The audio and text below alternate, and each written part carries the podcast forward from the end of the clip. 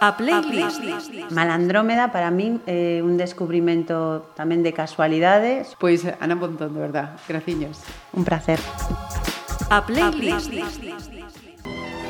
Don Tino Lores, bienvenido. Muchas gracias. Entonces decía, quizás no supe hablar tum, tum, cuando te vi.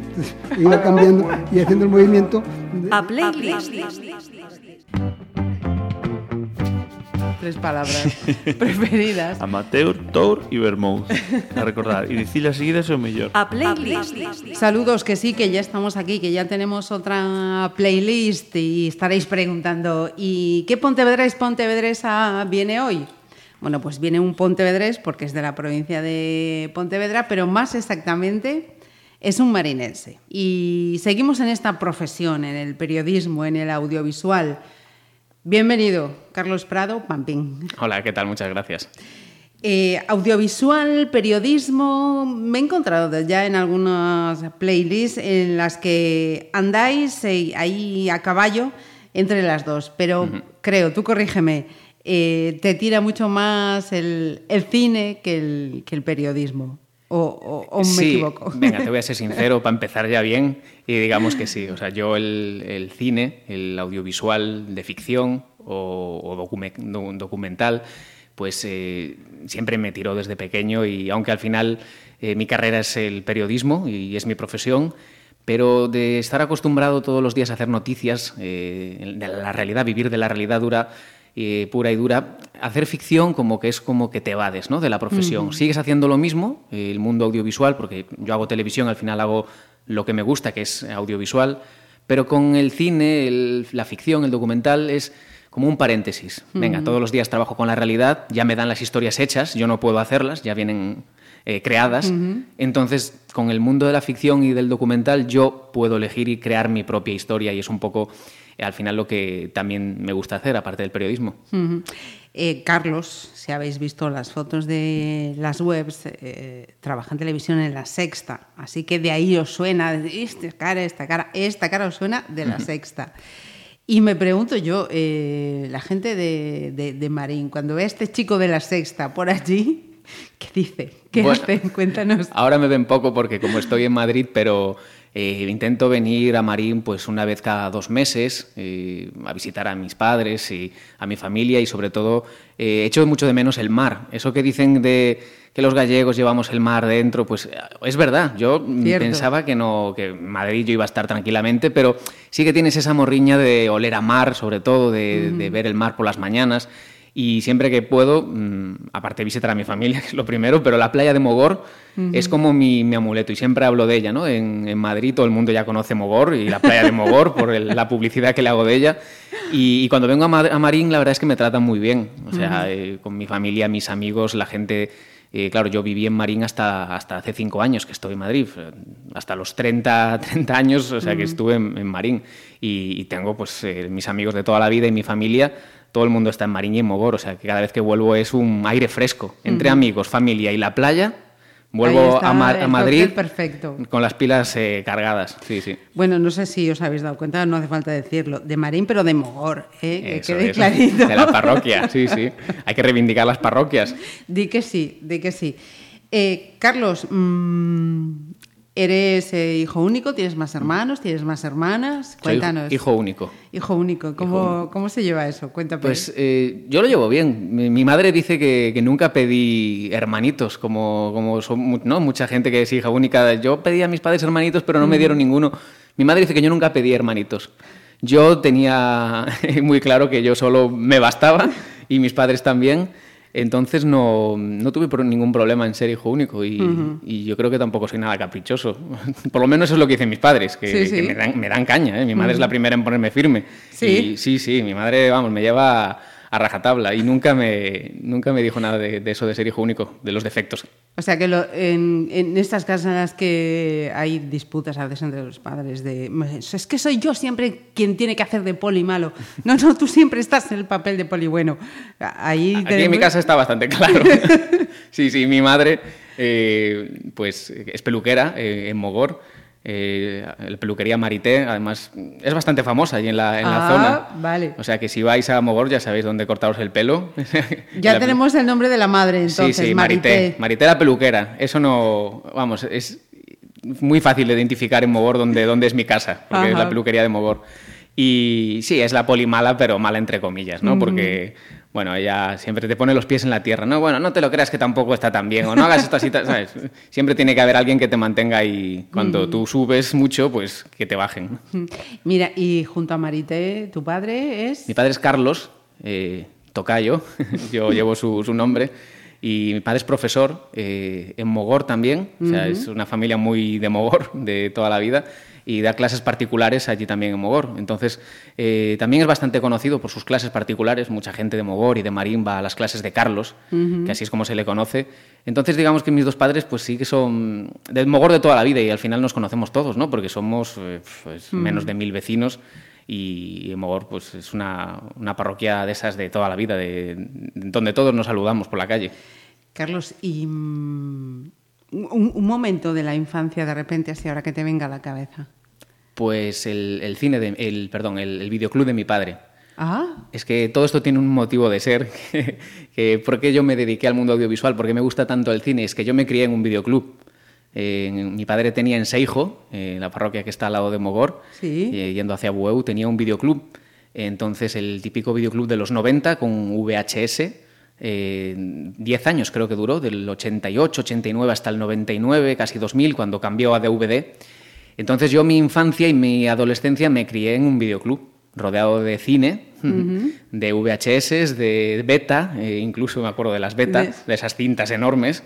Y en mi casa pues siempre estaban las películas pasando, porque claro, mi padre las probaba, yo las veía, iba con, con él aquí, veníamos aquí a Pontevedra, Ajá. a los videoclubs más grandes de la zona a, a comprar las novedades.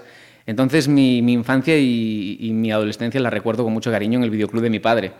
Eh, los sábados y domingos me iba con él y mientras él despachaba yo me ponía todas las pelis que podía y ahí tragué y tragué horas de cine. Entonces Sí, quizás me venga de ahí la, la afición y, el, y, y mi trabajo, que, que al final me pude dedicar a esto. y ya sabiendo lo que ya sé de antemano, eh, el porqué de esta playlist. Sí, va a ser muy cinematográfica. Intenté al, al final sacar otras canciones también para que no sea mucho monotemático, pero, pero el cine es, eh, lo es todo. Y es tu playlist y tú mandas. ¿Y con qué vamos a empezar, Carlos? Pues yo creo que empezaremos yendo por orden cronológico de películas, eh, pues con mi gran referente cinematográfico que no es otro que Charles Chaplin. Charlotte, el cine mudo, el, el que se llama cine silente, para mí es el que me ha dado más la, la formación cinematográfica más amplia. ¿no? Es saber contar una historia sin decir nada. Al final, cuando sabes contarlo sin palabras, sabes contarlo de cualquier manera. Y con Chaplin, eh, pues las- sus películas son, cada una es una obra de arte. y, y lo que hacía él, que era compositor, escritor, director, era el, ¿no? el hombre del Renacimiento, Eso un, es todo, lo que te iba a decir. terreno. Llamado Hombre del Renacimiento, sí. Pues eh, voy a empezar con, con, para mí, su canción más bonita, que es la de eh, la película Candilejas. Estábamos pensando ¿Estaba en lo la mismo? misma. Sí, señor. Pues hay Chaplin y Candilejas, es, es fantástica.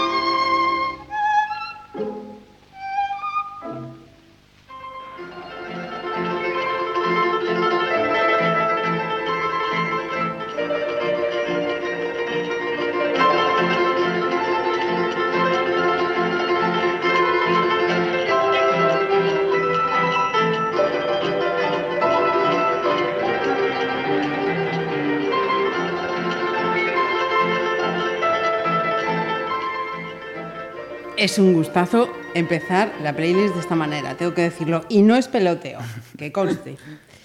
Mira, em, ya nos has puesto así las, bases, eh, el por qué esa pasión por el, por el cine, eh, el por qué luego vas a hacer los cortos como los haces.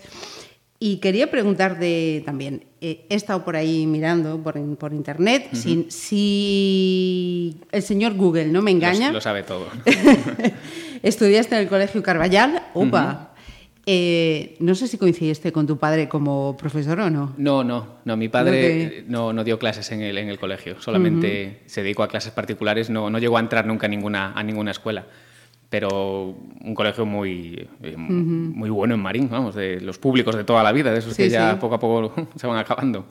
Eh, de hecho, eh, acabamos de hablar hace poquito del Colegio Carballal aquí en Pontevedra Viva, dándoles la enhorabuena. Ah, sí, sí. Y, y de verdad que mm, yo mm, tengo un, un- ahora mismo un recuerdo es- estupendo porque además ves que hay otra forma de enseñar y, y esa forma, otra forma de, de- de enseñar que no es solo memoria, memoria, memoria, consiguen trasladarla a los chicos y que vayan al colegio con esa ilusión, con esas ganas, con esa motivación. Tienen los resultados que estamos viendo, todos los premios que, que están consiguiendo. Así que Sí, felicidades para ellos también de mi parte. Viñas Blancas, ¿no? Que es como le llamamos la, la gente de, de Ah, Marín. mira, no sabía. Sí, es el Carballal, pero para los de la casa, digamos, es eh, Viñas Blancas de toda la vida. Sí, sí. Pues eh, todo, todo un gran trabajo el que hacen. Y luego eh, estudiaste bachillerato en el Instituto Salvador Moreno. Sí, que hoy en día ya le llaman de otra forma. Ahora es el, el Illa de Tambo, Ajá. es el que está allí en el centro de Marín, pero cuando yo estudié aún era el Salvador Moreno. Ahora ya le han cambiado el nombre y, y sí, ahí hice la, eh, BUP y COU. Ujú. Todavía Eh, estábamos en ah, el BUP y el. COU, sí, sí, sí. Para los de la ESO, pues no sé, ¿qué será ahora? Creo, tercero, cuarto bachiller, es que no sé, yo, me, me, quedé también ahí. Y me lo repiten cada dos meses y a la semana siguiente ya Igual que estoy yo. out. Mira, Yo la ESO no, no la controlo. e- ese momento, eh, adolescencia, instituto, ya Carlos sabe por dónde quiere llevar sus pasos. Pues ahí fue, ahí fue la clave. Eh, yo cuando acabé COU eh, tenía muy claro que no quería hacer una carrera universitaria en ese momento, quería hacer algo más práctico relacionado con, con el mundo audiovisual. Ya lo tenía claro desde, desde la adolescencia. Y ahí fue, eh, recuerdo, eh, gracias a un cartel que pusieron en el instituto sobre la Escuela de Imagen y Sonido de Vigo, eh, donde el colegio Marcote, que Sí. está en, en Vigo, y anunciaban eso, los primeros cursos de imagen y sonido. Y entonces yo vi la palabra imagen y sonido y dije, "Est- esto es lo mío. Y lo tuve muy claro. Le dije a mis padres que no quería hacer eh, universidad, que quería hacer ese módulo, que es un módulo de dos años de imagen. Y, y ahí me fui, acabé el instituto y me matriculé ya y lo tuve muy claro. Me fui a imagen y sonido a Vigo y hice los dos años de, de- de imagen. Entonces, eh, yo con 20 años que acabé, ¿no? de 18 a 20, ya salí pues siendo operador de cámara y fotógrafo, que es un poco el título que te, que te daban allí, ¿no? En imagen y sonido. Ajá. Y en ese momento eh, ya dices, mm, yo ya a currar, eh, me pongo ya a la práctica de lo que Sí, es sí. esto, o todavía pasa por tu cabeza, aún tengo que seguir formando y preparando más. Sí, pero yo cuando acabé imagen y sonido eh, hice las prácticas en la televisión de Galicia, Ajá. de cámara, de televisión, y, y empecé ya a trabajar, ya me empezaron a contratar. Primeros contratos de, de siendo operador de cámara, pues eh, recuerdo un concierto de Cristina Pato en Vilalba, eh, recuerdo ir a Riazor a grabar varios partidos de fútbol del Depor, estar en el plató de la televisión de Galicia en San Marcos haciendo informativos, plató puro y duro. Y, y ese fue mis primeros contactos con la cámara ya, eh, o sea, empecé ya fuerte, en plan Sí, con, desde luego. con, con la televisión de Galicia con 20 años ya dando planos eh, eh, de cosas chulas. Eh, lo que pasa que eh, me dejaron de llamar. Eh, hubo un momento ahí de paro. eh, claro, yo empezaba, ¿no? Empezaba con contratos eventuales, haciendo cosas chulas, pero mm, de vez en cuando. y, y me dejaron una época que me dejaron de llamar. Entonces hubo un, un mes que me quedé en blanco prácticamente sin trabajar ningún día y me dijo, no, no puedo seguir así. O sea, tengo que, no puedo estar esperando a que me llamen. Entonces fue cuando decidí mm, seguir formando, me dije, tengo que seguir por el mismo camino de, de audiovisual y fue cuando decidí hacer periodismo en, en Santiago de Compostela. Ahí sí que dije, ahora es el momento de la universidad, ahora me hago el petate y me voy a Santiago. marchas a Santiago y mm, digamos que esa es tu primera eh, experiencia, independencia. Sí, sí, sí. Eh, mi primera experiencia de vivir solo fue en Santiago eh, con 21 años, que fue cuando ese margen ¿no? de ese año de trabajar en la televisión de Galicia y me fui a, a vivir a la Universidad del Burgo. No fue en plan piso universitario de tres, cuatro chavales, sino que me fui a la, a la residencia, que estaba al lado de la Facultad de Periodismo. Y, y ahí viví, sí, sí, mi primera, mi primera experiencia de fuera de casa. o sea, venía todos los fines de semana, como casi todos, a buscar las- los tuppers y, y la comida de mi madre. Y, y allí, allí sí, empecé mi primera experiencia fuera de casa. Eh, vamos a hacer otra parada antes de seguir hablando de esa etapa mm, universitaria. Eh, seguimos con más bandas sonoras. Sí, a- vamos a poner otra banda sonora.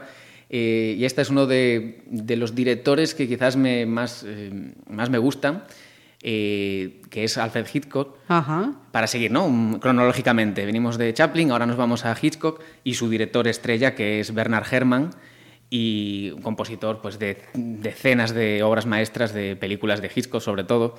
Eh, pero me voy a quedar con, con la banda sonora de Psicosis, no los cuchillazos estos de la ducha, sino toda la banda sonora que tiene al principio, que, que es espectacular. O sea, empieza de, de una forma con un ritmo y de repente cambia a otro diferente. Eh, Bernard Herrmann es uno de los grandes compositores y las películas de Hitchcock no serían lo mismo su suspense si no vinieran acompañadas de, de esta música. ¿Qué sería la escena ¿no? de, de, los cuchi- de la ducha sin ese violín que va cortando la piel? Que realmente es el violín el que lo hace, no el cuchillo. No el- ujú.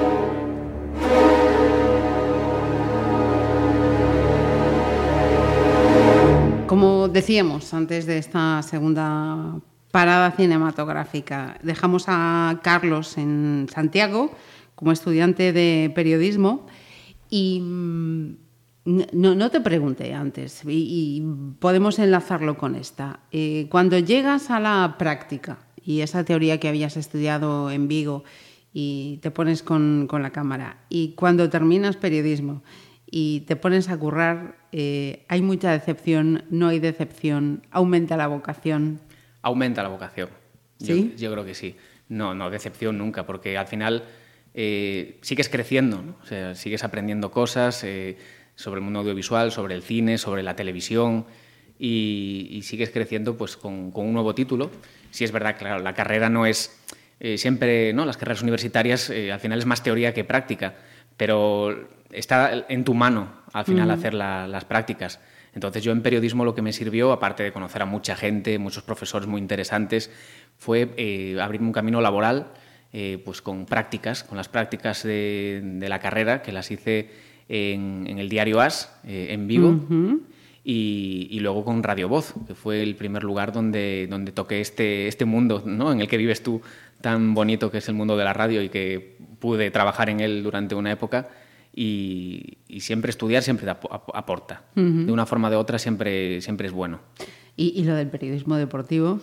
El periodismo deportivo porque, aparte, aparte del cine, mi otra gran pasión es el deporte. Uh -huh. me encanta practicarlo, me encanta el fútbol, el Celta, el Pontevedra, el, bueno, todos los equipos de, de la provincia, el Marín, que, que, muchas veces voy a San Pedro también a verles. Y, y entonces me salió la oportunidad de ver el, eh, estas prácticas del diario As y pues vamos a, vamos a hacerlas, que el Celta siempre también ir a Madro a cubrir un entrenamiento de primera división, uh -huh. ¿no? como que es muy televisivo, muy informativo también, y me, me surgió esa oportunidad. Uh -huh. eh, o sea, se puso detrás de la cámara, se puso a hacer periodismo deportivo, se puso a hacer radio, Informativa, sí. y el tema de, de los eh, cortos, porque mm, me voy a adelantar, me voy a adelantar, pero yo esta mañana decía, bueno, venga, vamos a ver bellas, para luego saber de qué, o a mano o a máquina. Y, y cuando termina, saltaba otro, y saltaba otro, y saltaba otro. Y ahí estaba enganchada. O sea, que, que me los he visto unos, ¿Sí? unos tras otros. qué bien. Y tenemos aquí mm, mucho, mucho ingenio, mucha creatividad, mucha profesionalidad, un poco injusto, ¿no? Que, que, tanto buen trabajo no tenga tanta proyección pues como pueden tener otros, otros metrajes ¿no? en, el, mm. en el audiovisual. Sí, es quizás el, el, problema del mundo de los cortos, ¿no? de los uh -huh. cortometrajes en España, como que lo tenemos como el hermano pequeño de, del cine o de las películas. Uh -huh. eh, casi nadie va a una sesión de cine a ver cortometrajes a no ser que sea pues, un día especial de ellos, pero eh, en España el cortometraje, aunque tiene mm, eh, mucha proyección, muchísima gente hace cortometrajes, cientos o miles de cortometrajes se hacen al año en España, pero luego no tienen esa, visual, esa visualización ¿no? que deberían tener. Hoy en día con Internet pues sí que es la única forma ¿no? de darlos a conocer o con otros festivales. Sí, menos mal que, está, sí, sí. Menos mal que tenemos YouTube, Vimeo y otros festivales, pero sí que es una pena. Yo creo que si a la gente se les da, se le da, lo quiere. Uh -huh. Tú pones, como hacían, antiguamente hacían la, la, doble sesión en los cines, ¿no? Te ibas a una, una, tarde y tenías una de vaqueros y una del espacio. Y te veías dos pelis por el precio de una. Uh -huh. eh, estaría muy bien meter en, las, en, los cines un corto, un cortometraje antes uh -huh. de una peli. Tú te vas a ver la Ajá. peli del, del, día, venga, la de Star Wars nueva o la, el bombazo...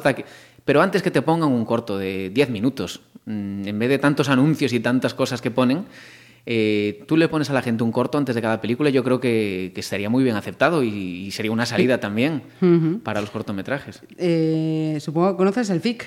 Sí. Uh -huh. ¿Qué tal? Bueno, me encantaría poder participar alguna vez. A ver si alguno de mis cortos lo, lo, lo seleccionan para la próxima. Habrá que hablar con pena, a ver qué pasa aquí. eh, vamos a hacer otra paradita, ¿te parece? Muy bien. Venga. Pues eh, vamos a irnos a los 80. Sí. A una banda sonora de una peli que para la gente que nació en el 80, 81, 82, como es mi caso, eh, a mí es que me impactó mucho y su banda sonora, me, cada vez que la escucho es cine puro y duro. Para mí es eh, es sentarse a ver una película y apagar las luces. Es una peli de Steven Spielberg y no podía dejar de meter su- a su compositor estrella, ¿no? a John Williams, y es la banda sonora de ET. Porque es una película que me pilló muy joven, muy pequeño, que me quedé con la boca abierta con, con ese extraterrestre, con esa historia y, y la banda sonora mm, a mí me pone la piel de gallina cada vez que la escucho. Y, y me quiero compartirla también con, con vosotros. Pues nos vamos a quedar con ET. Solo una preguntita, me da curiosidad. ¿Vamos a volver a escuchar a John Williams más adelante? Sí, ¿por qué no? Vale, ¿Te gusta? genial. sí. Pues otro, otro tengo de John Williams.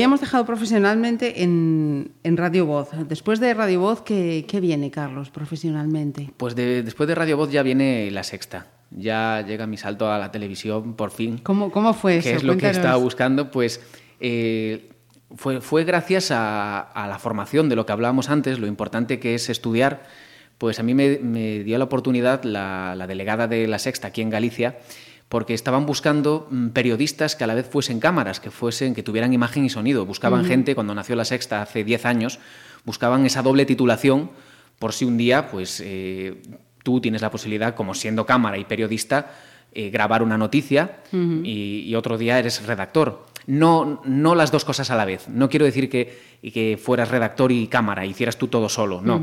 Era un día, podías ser redactor, porque tu título de periodista te lo permitía, y otro día, si tu compañero eh, no podía o tenías que irte solo a grabar algo, que fueras cámara y pudieras hacerlo bien.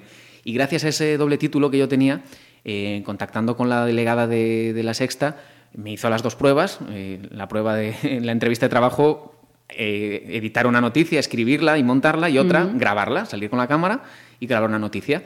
Y gracias a eso, pues al tener la formación completa, entré en La Sexta, y de esto ya hace 10 años. Me parece que fue ayer, seguro que dirás. Sí, sí. Pero eso es la importancia de estar formado. Por eso yo a la gente le animo de que siempre haga cursos, siempre se recicle, eh, que aunque tenga un trabajo fijo, que siga, si su curiosidad le llama, que no lo pierda, porque no sabes dónde, dónde te puede aparecer la siguiente oportunidad de mejorar eh, siendo completo. Cuanto más completo seas, mejor. Mira, y de estos 10 años, eh, si te digo, em, tres piezas, tres informaciones que, que, que ahora mismo te, te vengan a la cabeza porque te han marcado pues, eh, por la magnitud que tenías delante, pues porque personalmente te llegó eso que estabas eh, cubriendo.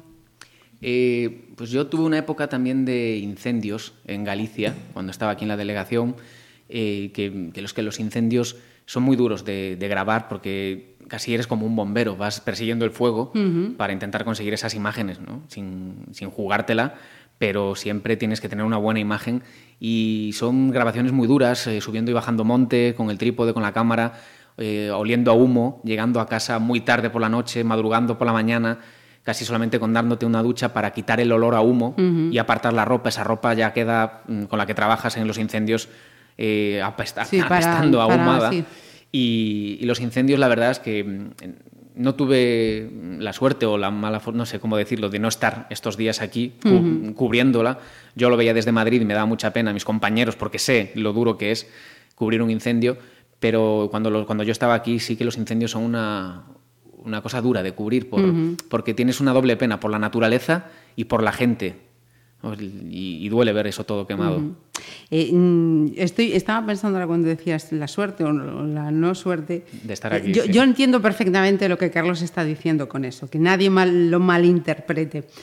Pero efectivamente, son cuestiones que periodísticamente, aunque son duras, dices. Tienes que mm, estar ahí. Efectivamente. Sí, por eso yo desde. Madrid lo veía con, con pena, entre comillas, porque digo, tendría que estar ahí informando a la gente de lo que está pasando eh, para, para que todo el mundo se entere de que, de que los montes pues están ardiendo, que están descuidados y que hay que hacer algo.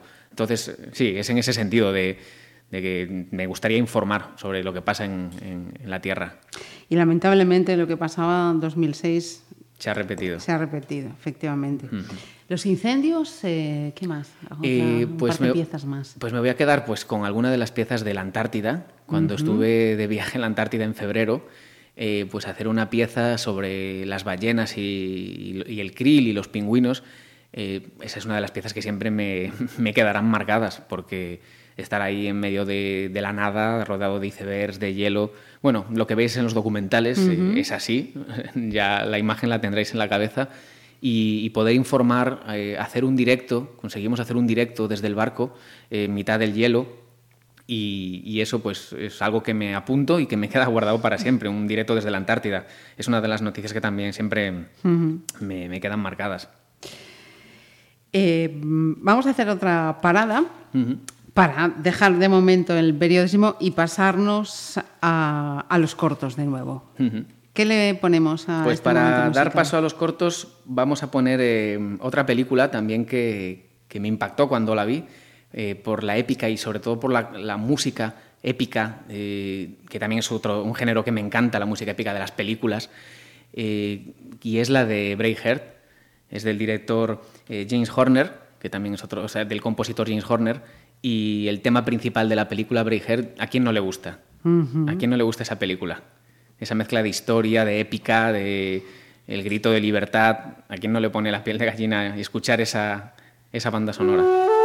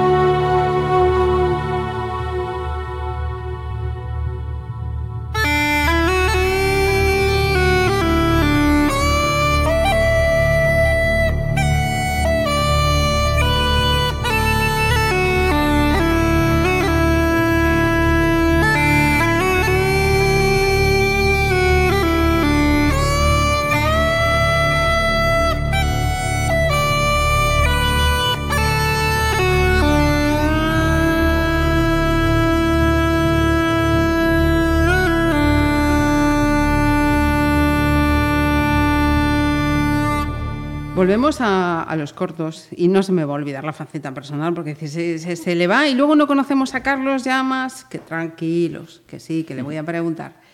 Eh, cortos. Hablaba mm, de a mano a máquina. Eh, he visto Tebras, he visto Aliala, he visto, espera que los tenga anotados, eh, Curriculum Vitae, eh, Olume Tiña un Prezo. Eh, creo que me queda otra más que eh, eh, también era con, con Amalia y Aurita. Y no recuerdo, no se me pasó el... Eh, el- bellas a, bayo- a mano a máquina y con ellas. Luego tengo el documental El Camino del Burro también. Ah, que- ese también, también lo he visto. Sobre el burro fariñeiro de, de Ujú, Tui. ujú, también, también está. que también es un, un corto documental que hicimos en el Playdoc, en Tui, en el Festival de, de Documentales, que eso fue una experiencia brutal porque me seleccionaron para, para participar en el Playdoc y tenía que rodar en tres días ese documental de cinco minutos. Ajá. Tú proponías una idea y te daban tres días para hacerlo. Y tenías que presentar el último día el, documen- el documental perfectamente editado y montado. Y pues es- hicimos un Cristo por, por Tui y por Valença Domiño, con el burro fariñeiro para arriba, para abajo. eh, lo subimos a la catedral de Tui. Mi abuelo era el protagonista, era el que hacía de cura, Sí, disfrazado. sí. Daniel. Y Daniel, sí, sí, de arriba para abajo. eh, le hicimos cruzar el puente internacional con el burro, que tenía miedo que el burro le levantara de una Le coz y lo chimpara al río Miño. Siempre me cuenta esa anécdota. Dice que la noche anterior de grabar esa escena no durmió nada. Pobre. Porque tenía miedo a ver por dónde metía al burro. Tenía el- que el burro le, le tirara al río. Y, y ese, la verdad es que fue un documental muy de aprender produ- a producir a, eh, ya y ¿sabes? la efectividad de que luego pues para el periodismo me vino muy bien eso de hacerlo. Pues mira, el Playdoc eh, fue nominado también a los Mestre Mateo. Eh, bueno, fuiste finalista. Eh, tienes tres premios de Curtas Narrede. Eh, premio del Noto Film Fest. Premio también, lo tengo anotado por ahí, a ver si soy capaz de encontrarlo sin que se me vaya. Me falta. Alvarelo. Sí, de, de periodismo de, de farmacia, con una Eh, pieza. Con lo cual estamos viendo que este chico no, no tiene una vocación en vano, que hay, hay, mucha, hay mucha madera aquí. Y yo te quería preguntar, porque es que al final de, de ver todos esos cortos, eh, quieras o no, les coges cariño. Sí. Yo ya sé quiénes son, pero quiero que los cuentes. Eh, Amalia y Daniel Mis abuelos, y Aurita. mi vecina de Mogor de toda la vida. sí, porque, eh, claro, yo mis cortos, eh, empecé a, yo empecé a, a trastear con la cámara cuando tendría 10, 12 años. En ese videoclub en el que estaba mi padre, compró una cámara, una cámara de vídeo de estas eh, grandes que había antes que vendían, de estas Handycam que se Sí. llaman. Y con esas empecé yo en casa, era para, en teoría era para que mis padres grabaran bodas y comuniones y estas cosas de la familia, pero al final me la apropié yo y con eso iba grabando mis, mis cortos y mis películas pues eh, en casa con mis amigos. En vez de una tarde que llovía, pues nos quedamos en el comedor y hacemos eh, stop motion, eh, hacemos eh, te disfrazas tú y yo te grabo y ahí editando poco a poco empezamos a hacer los cortos. Entonces mis cortos no son de grandes presupuestos ni de grandes actores. Es, son cortos muy mm, minimalistas, digamos, y sin pretensión ninguna. Eh, tú sabes los medios que tienes y con eso intentas hacer lo que puedes. Entonces, como no tenía actores, mm, pues echaba mano de mi abuela, de mi abuelo. Como no tenía un buen equipo de sonido, para grabar buenos diálogos, pues echaba mano de planos, o sea, de, de eso lo que decíamos de Chaplin, ¿no? De contar sin hablar que el cine al final es eso. Y entonces un poco los medios técnicos mm, fueron una limitación, pero gracias a eso me dieron un estilo y crearon pues eh, mi estilo, ¿no? Que es esos cortos con pocas palabras, mucha imagen, que un plano, un gesto te lo dice todo, que al fin y al cabo es en lo que creo yo en el mundo del cine, que si sobran las palabras y ¿no? una imagen te lo dice. Y, y echando mano de, de la familia y, y así poco a poco con esa cámara casera hasta, que, hasta que ya me fui comprando otra mejor, otra mejor y cada vez grabando. Bueno, es una progresión, ¿no? Nadie nace aprendido. Aprendido, Mm. Pues yo recomiendo encarecidamente, eh, de hecho luego cuando, eh, si queréis echar un vistazo a, a la información en Pontevedra Viva, vamos a ir enlazando esos, esos cortos para que no os lo perdáis, porque de verdad que son... Es como, quiero estos abuelos. Sí. son, son encantadores. Son Sí, sí, no, mi abuela se aparte de que sea mi abuela, es que actúa fenomenal. Sí, sí, sí, O sea, sí. si algún productor la est- nos está escuchando y quiere fichar a una abuela de 80 años que actúa de maravilla, la mía está disponible. Sí, no, no se haga parador, la dejo, la dejo para, para los demás directores. Carlos, venga, hacemos otra Sí. parada sonora. Pues eh, John Williams lo dejo para después Vale. y antes te, te voy a presentar a otro compositor mm, que yo creo que, a ver si te gusta, espero que sí, que sigamos coincidiendo, que es Ennio Morricone, Bueno, el, el máximo compositor de música del oeste, pero que aparte la gente lo conoce por las músicas del bueno, el feo y el malo, pero es que tiene otras bandas sonoras espectaculares. Y yo me he salido de esas del oeste y, y me quedo con la de La Misión, la película La Misión, que es una banda sonora preciosa. eh, para, que otra, para sacarlo, ¿no? Un poco del encasillamiento que siempre se le hace de, de- de las películas del, del western. del western, sí. Ujú. Eh, ¿Algún tema en concreto de, de la misión que el, vale? el- el tema principal. Tema el prin- principal. El, principal, sí, sí, esa, es muy bueno.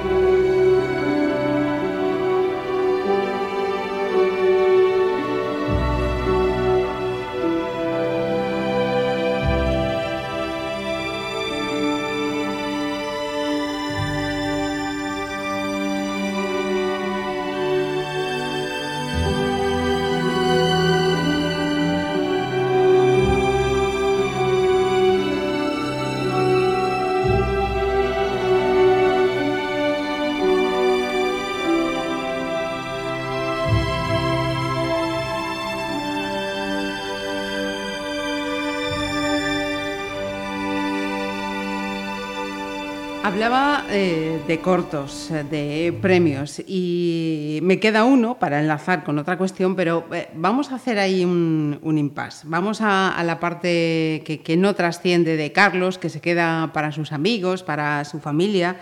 ¿Cómo es ese Carlos en las distancias cortas, por ejemplo, con los amigos? ¿Es muy gamberro, es muy de salir, es casero? Pues eh, soy muy, muy extrovertido.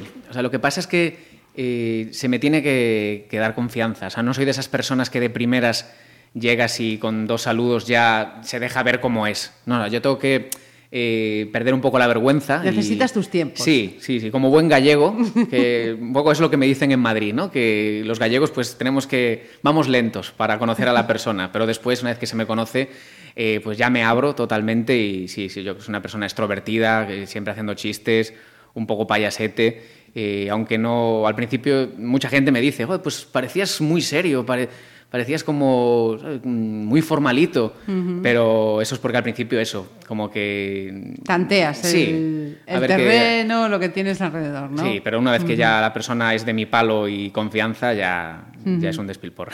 Y es de salir, es eh, tranquilo. Era, era de salir. Eras era de, salir. Era de salir, además aquí a Pontevedra. O sea, yo toda mi vida de, de fiesta, digamos, la he hecho aquí en Pontevedra. Ya sabéis, la gente de Marín, eh, cogemos el trole, eh, el autobús de Marín a Pontevedra y aquí nos plantamos en 10 minutos. y, y bueno, pues mis noches de aquí de, de la calle de Carabás, eh, que no sé si sigue abierta, pero Sigue, porque hace sigue, cinco años que no sigue, sigue. sigue, sigue. Ah, Bueno, la yo iba- calle Charino, me imagino. Sí, yo, yo iba a la sesión light esta de cuando era joven Ajá. y luego pues la calle que está detrás del teatro principal, toda, toda la calle de vinos. Sí. Sí. sí, o sea, yo toda mi vida adolescente y, y de fiesta pues la, la- la hice aquí en Pontevedra, realmente porque en Marín no tenemos tampoco sitios de, de salir, ¿no? Solamente para tomarse algo.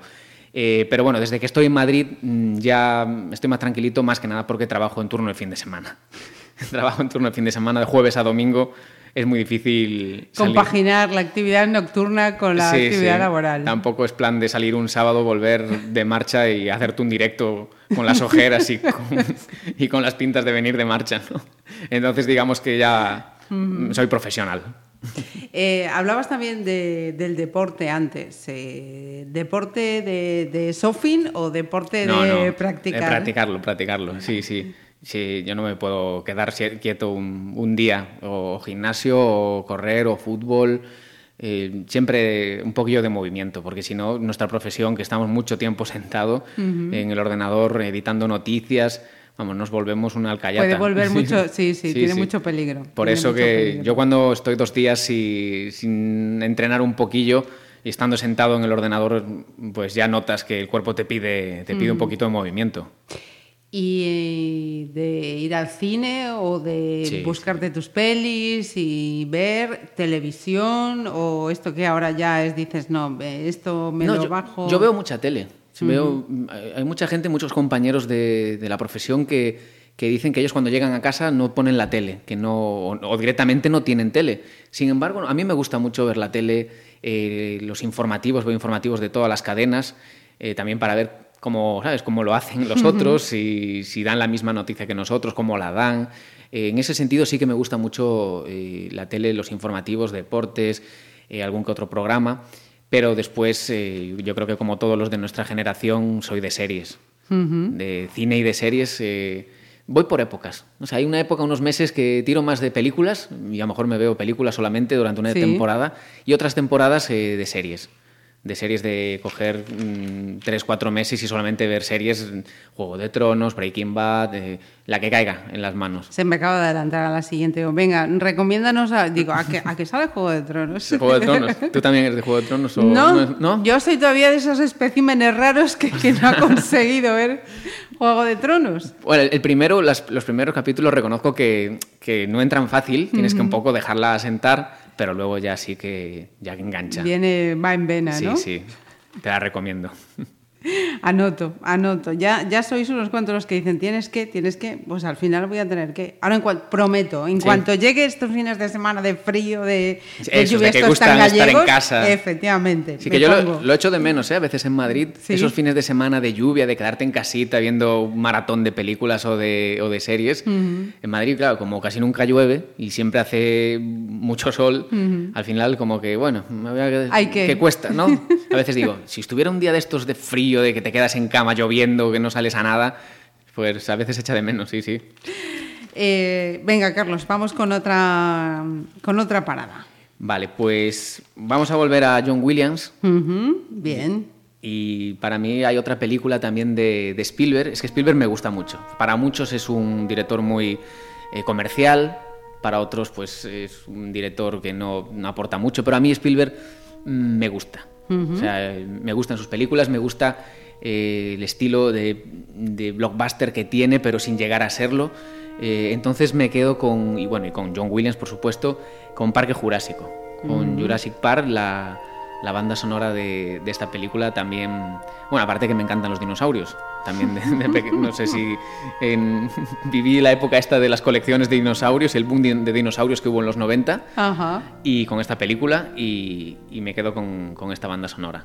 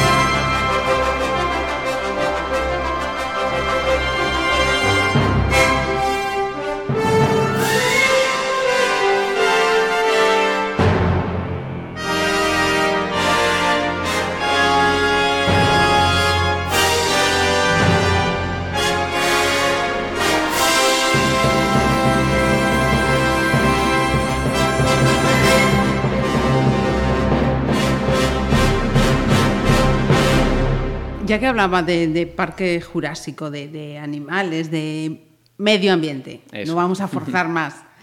Eh, Sí, también eres eh, un, un enamorado, ¿no? Sí, sí, sí. de- si tuviera que elegir entre las asignaturas de clase de, de pequeño, de instituto, biología y ciencias naturales siempre fue de mis favoritas.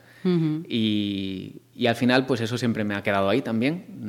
Mm, Los animales, yo siempre he tenido en casa, en Mogor, en nuestra casa, siempre ha habido perros, gatos, eh, conejos. eh, Y un canario que aparece en muchos cortos. Vamos, eh, sí, sí, ese es el que se escapa de la jaula. Canarios, periquitos, tortugas, eh, siempre he estado rodeado de, de bichos. y, y al final, pues la naturaleza y haberse criado también en un entorno natural como, ¿no? como nosotros, ahí en- Privilegiado totalmente. privilegiado, eh, pues siempre me ha llamado mucho la, la naturaleza y el medio ambiente. Y aquí en Galicia, pues cuando empezaba con las noticias de la sexta, hacer noticias de eso, los incendios que hablábamos antes, eh, noticias de contaminación de las rías, eh, noticias eh, medioambientales, de maltrato animal, pues eh, siempre, siempre me ha gustado hacer este tipo de noticias, ¿no? Porque creo que son noticias que sí que dan un toque de atención a la gente de, de cuidar las cosas que tenemos y aparte en Galicia, que el medio ambiente y la naturaleza es, está en todas partes y nos rodea. Sí, es uno de los grandes patrimonios Mm. eh, que tenemos que cuidar lamentablemente después de lo que acabamos de pasar hace, hace nada. Eh, tienes el premio eh, Befesa de Periodismo Medioambiental, un premio eh, que da una parte, digamos, empresarial Sí. dedicada al medio ambiente y otra también eh, profesional. ¿Cómo se siente uno cuando tienes esa vocación, esa pasión por el medio ambiente y va y te llega un premio precisamente que reconoce tu trabajo Mm. en, ese, en ese área? pues es un, un empujón adelante, ¿no? Para seguir eh, trabajando en ese tema y que estás haciendo bien las cosas. La verdad es que tuve suerte porque mm, al llegar a Madrid, a la, dele- a la redacción central de la Sexta, digamos que esa parte de medio ambiente, de noticias medioambientales, estaba un poco mm, descuidada, digamos. No había nadie que se dedicara específicamente a hacer ese tipo de noticias. Entonces yo vi un filón vi un filón aparte con esto del cambio climático, que cada vez está más de moda, eh, el residuo, reciclaje cada vez, mm, no sé si lo estamos haciendo peor o mejor con la naturaleza, pero bueno, las consecuencias ya las estamos viendo, ¿no? Sequías, incendios. Mira qué fechas estamos y qué temperatura en, tenemos. En manga corta. O sea, yo me acuerdo de estas épocas de hacer el magosto, las primeras castañas asadas y... Con la bufanda, los Sí, guantes sí. abrigadísimos hasta... Y míranos, en manga corta. Y gente en la playa, o sea que algo está pasando. Y, y bueno, entre mi pasión, que es hacer noticias, y el medio ambiente, uní las dos cosas. Y, y en la sexta, pues apostaron también por eso, porque la, la sexta mm, es una cadena que le dedica espacio a- al medio ambiente. y, y ahí me, me- me puse ¿no? a trabajar y digamos que mm, eh, me he cogido esa sección. Un poco intento siempre proponer noticias sobre medio ambiente y está funcionando, porque a la gente al final sí que le preocupa qué pasa con, con el planeta y sobre todo con lo que le rodea. Efectivamente. Por tanto, entiendo que, eh, porque hay que decir, esa, esa excusa por la que invitamos a Carlos es que eh, esta- estos días anteriores ha venido aquí a, a casa para presentar, para estrenar ese trabajo Antártida, As Pegadas no, no Seo, y posteriormente también Marín y Saison, los dos. Hay que, en la casa, profeta, Sí, sí. Que, no se, que no se diga. Eh, imagino entonces que este trabajo en la Antártida, ya nos lo avanzabas antes, eh, es una de las, si no la gran, una de las grandes satisfacciones de tu trayectoria. Sí, sí, conseguir eh, ir a la Antártida pues ha sido como un premio ya al- Yo pensaba que, no, que nunca iría, porque claro, ir a la Antártida no va todo el mundo. A- al Polo Norte, bueno, puedes ir a Noruega, puedes ir a Suecia, eh, tienes aviones, pero llegar hasta la Antártida es súper complicado. Entonces, cuando me salió la oportunidad de, de poder viajar hasta allí eh, y la Sexta eh, aceptó ese, ese Esa viaje sí, y ese reto, que al final también era un reto para, para ellos. No sabíamos si iba a salir bien, si iba a salir mal, si podíamos enviar noticias, si no, si habría cobertura. Y al final, pues todo salió de maravilla. Pudimos hacer noticias eh, desde allí, directos, eh, para la meteo, para las noticias, para todas las secciones y programas. Y al final, pues salió, salió de maravilla y, y eso sí, es una de las grandes experiencias que, que- que tuve. Y, y además me ha permitido grabar este, este documental que, que hemos presentado. Y, y bueno, y esperemos que, que dé muchas alegrías. Eh, un documental en el que coincidiste con otros gallegos, en el que también das a conocer eh, esa misión que hacen no solo científicos, sino también los militares. Lo estuvimos aquí también hace unas semanas, cuando se estuvieron preparando en el, en el Grove. la verdad que también fue eh, de ponerse los dientes larguísimos con todo lo que cuentan, con es la, la, la experiencia allí, así que eh, me imagino que también en, en, tu caso, por todas esas eh, vertientes tuvo que ser especial. Y uh -huh. ese, ese contacto, ese día a día con estos eh, profesionales también, ¿cómo, ¿cómo fue? Pues en mi caso fue una gozada porque el, la tripulación, buena parte de ella y de los científicos eran, eran gallegos. Uh -huh. Entonces, eh, tengo una, una, anécdota muy buena que es eh, nosotros eh, volamos a Punta Arenas, en Chile, que es el último pueblo, la última ciudad eh, al borde de, de, Sudamérica antes de salir de a la Antártida, y ahí nos estaba esperando el Hespérides, el buque uh -huh. estaba allí esperando para ya salir al día siguiente a la Antártida. Y llegamos eh, al, al, buque, mi compañero y yo, el cámara y, y yo, y subimos al Hespérides y la primera persona que salió a recibirnos en, ah, sois los de la tele, que venís con nosotros, los de la sexta, sí, sí. ¿Y quién de los dos es el de Marín?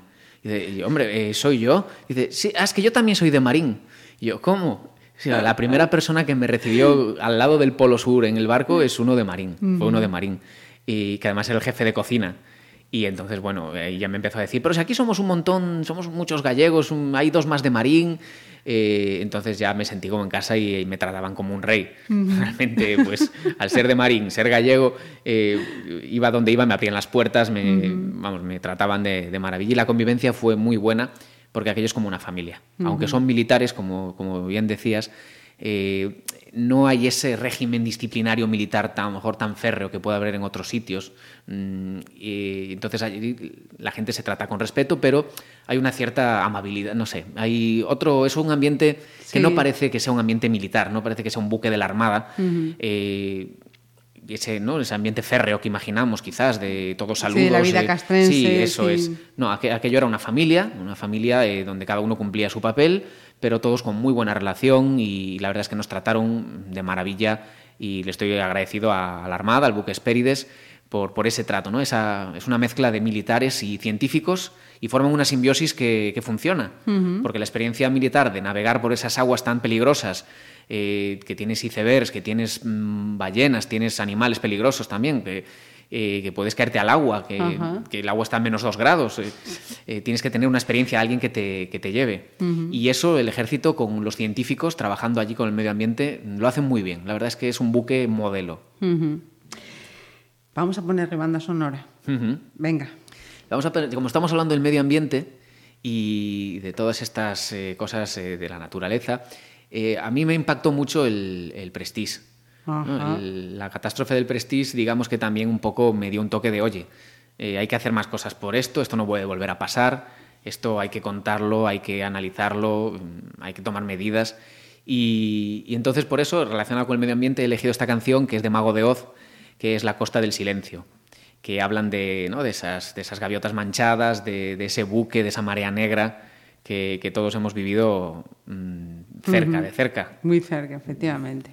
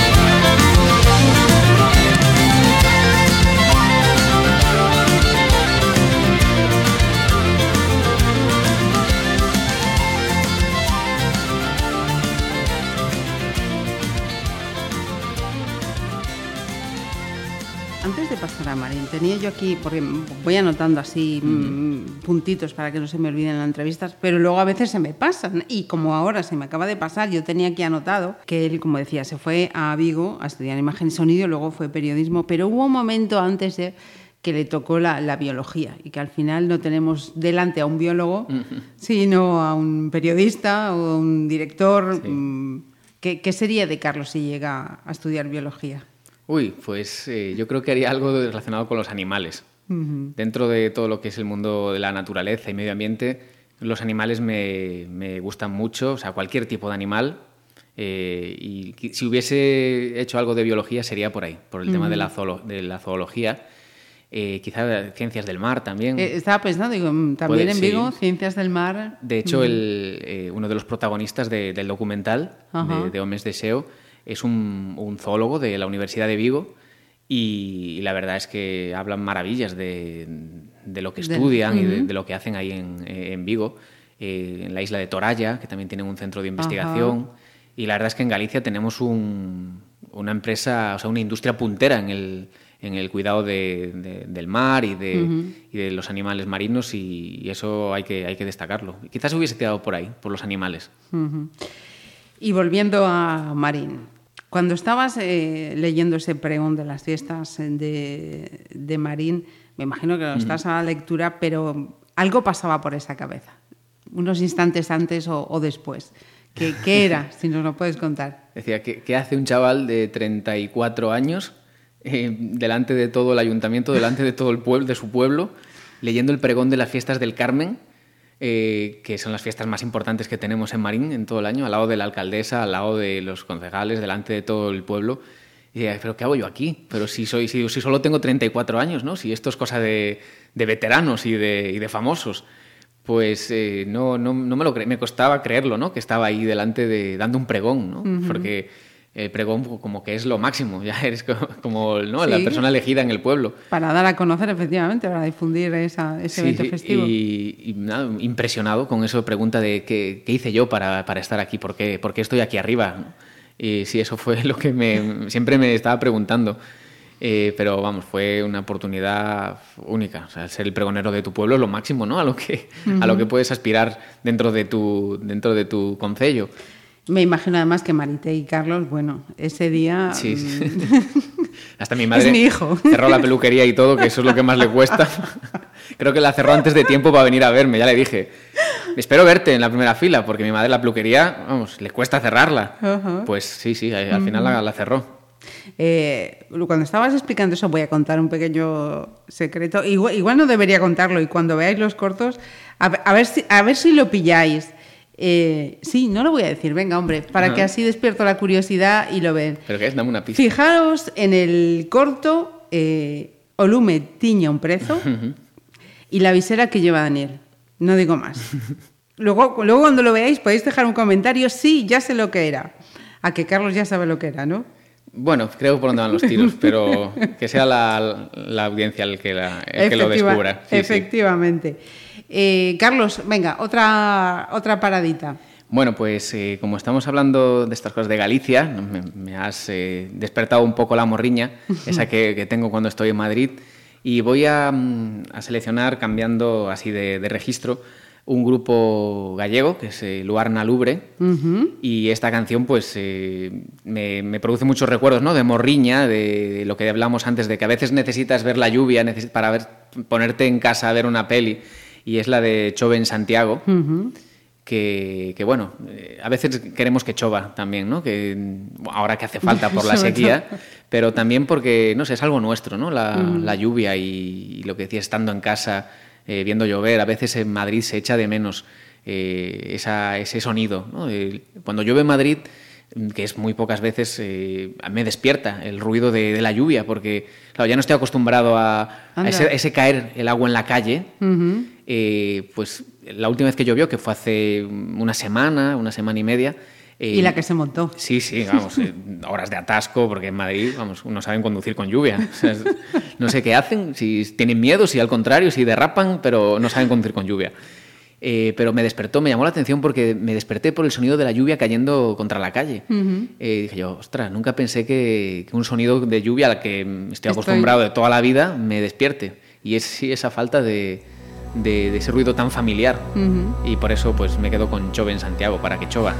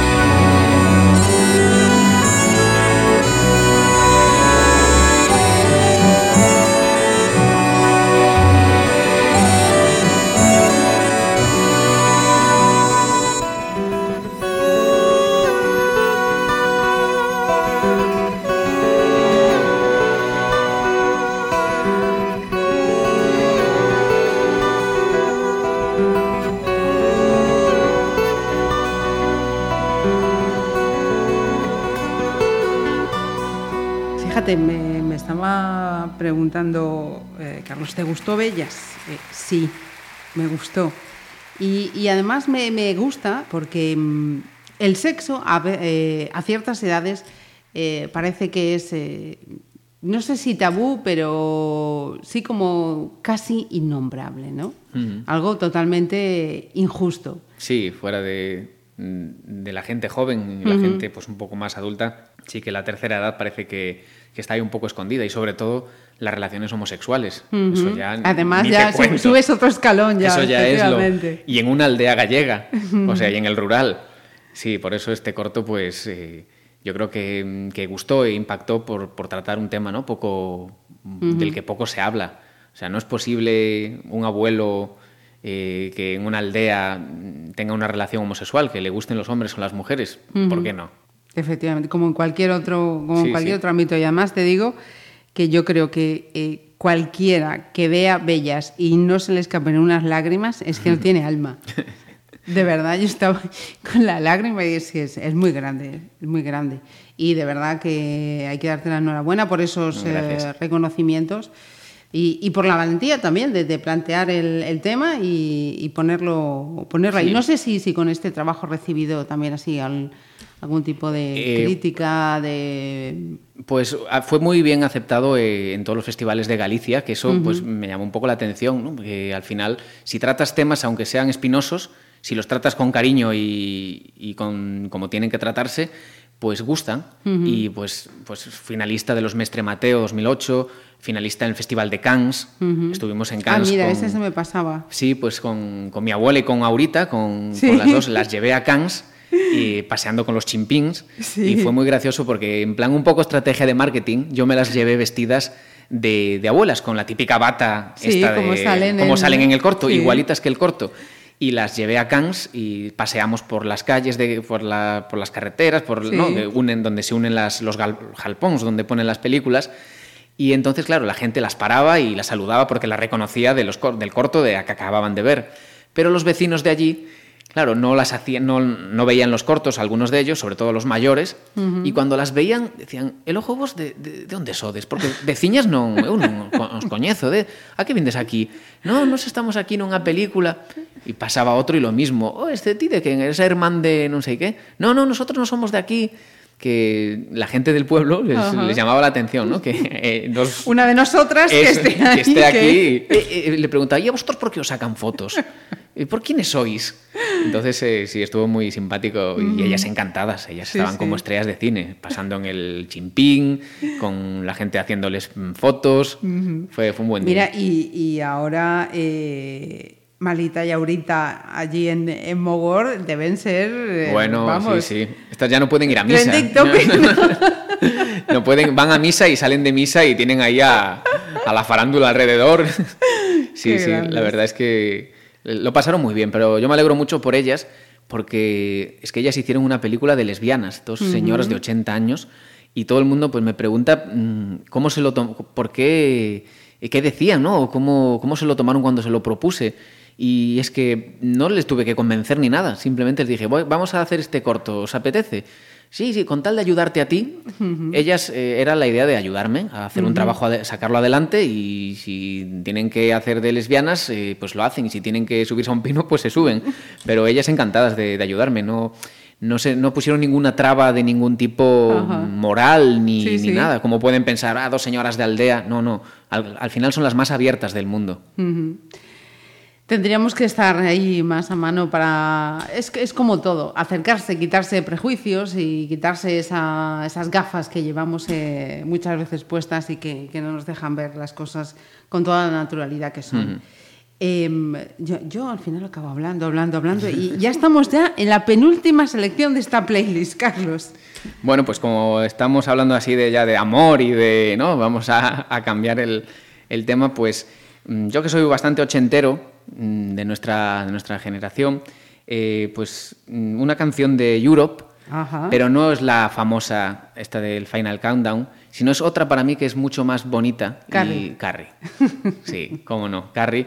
Y no, un poco como estamos en este tema de las relaciones de bellas, de, de amor, pues yo creo que pega muy bien ahora eh, para cambiar un poco de bandas sonoras a poner Carrie.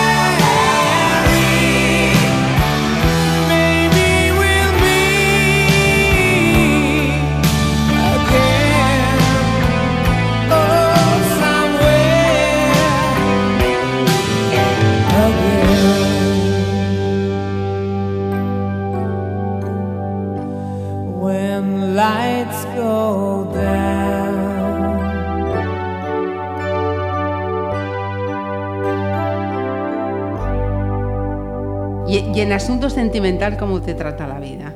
Bien, no me quejo, no me quejo, me trata bien. Eh, pues ya estoy con, con una chica, o sea, mm, llevo con ella, eh, pues ya son casi nueve años, o sea que estoy estabilizado en ese sentido. Chicas, lo siento, acaba de decir que lleva nueve años con su pareja. ¿Cómo se llama esta mujer? Se llama Anka.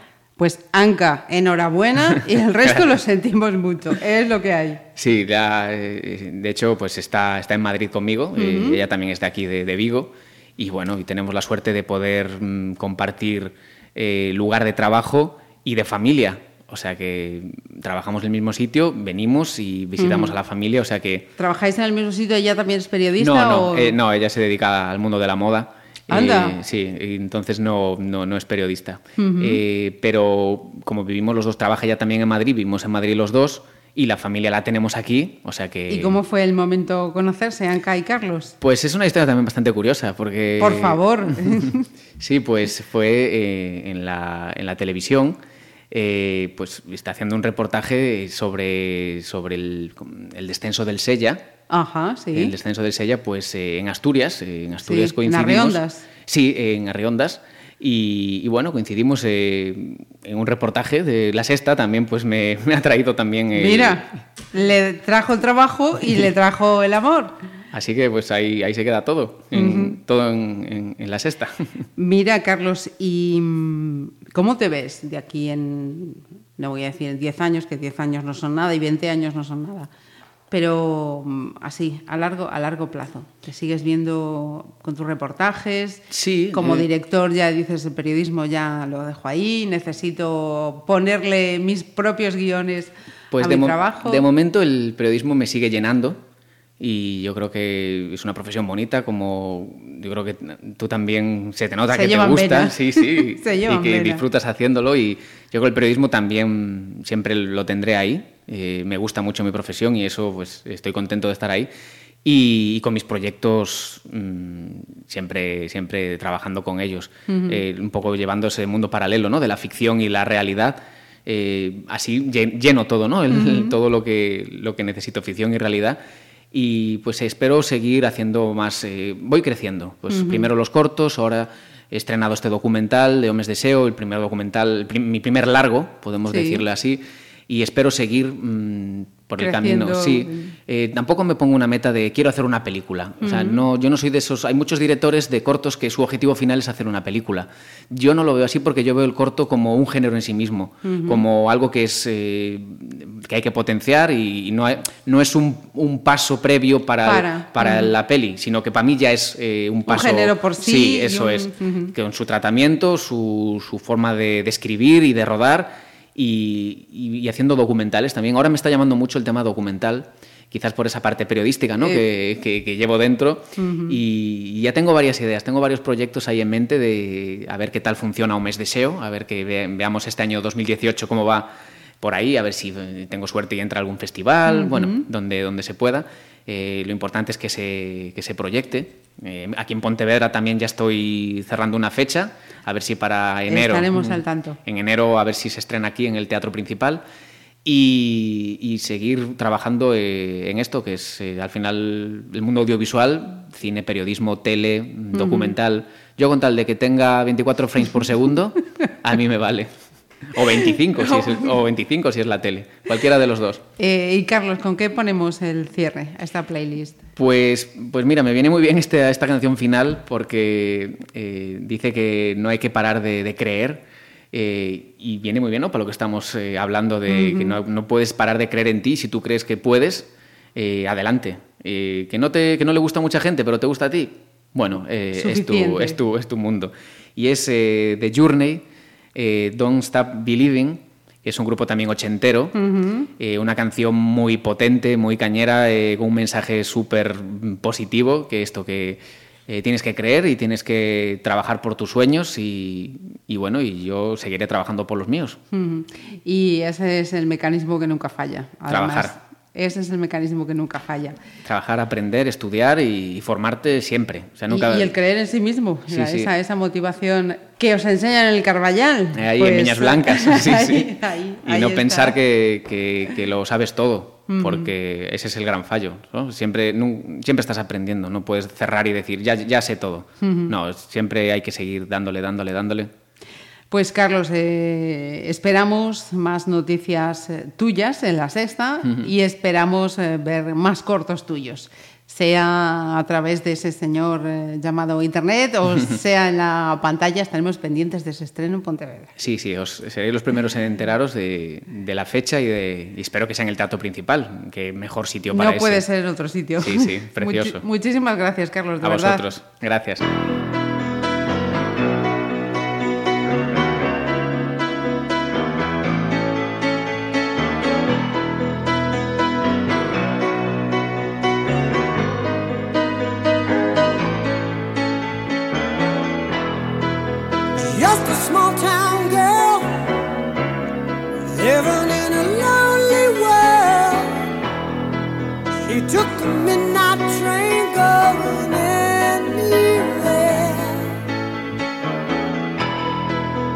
Just a city boy, born and raised in South Detroit.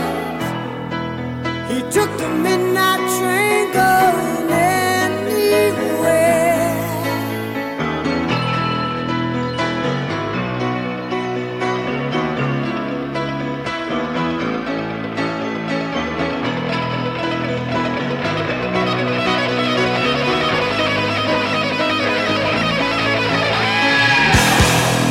A singer in a smoky room. The smell of wine and cheap perfume. For a smile, they can share the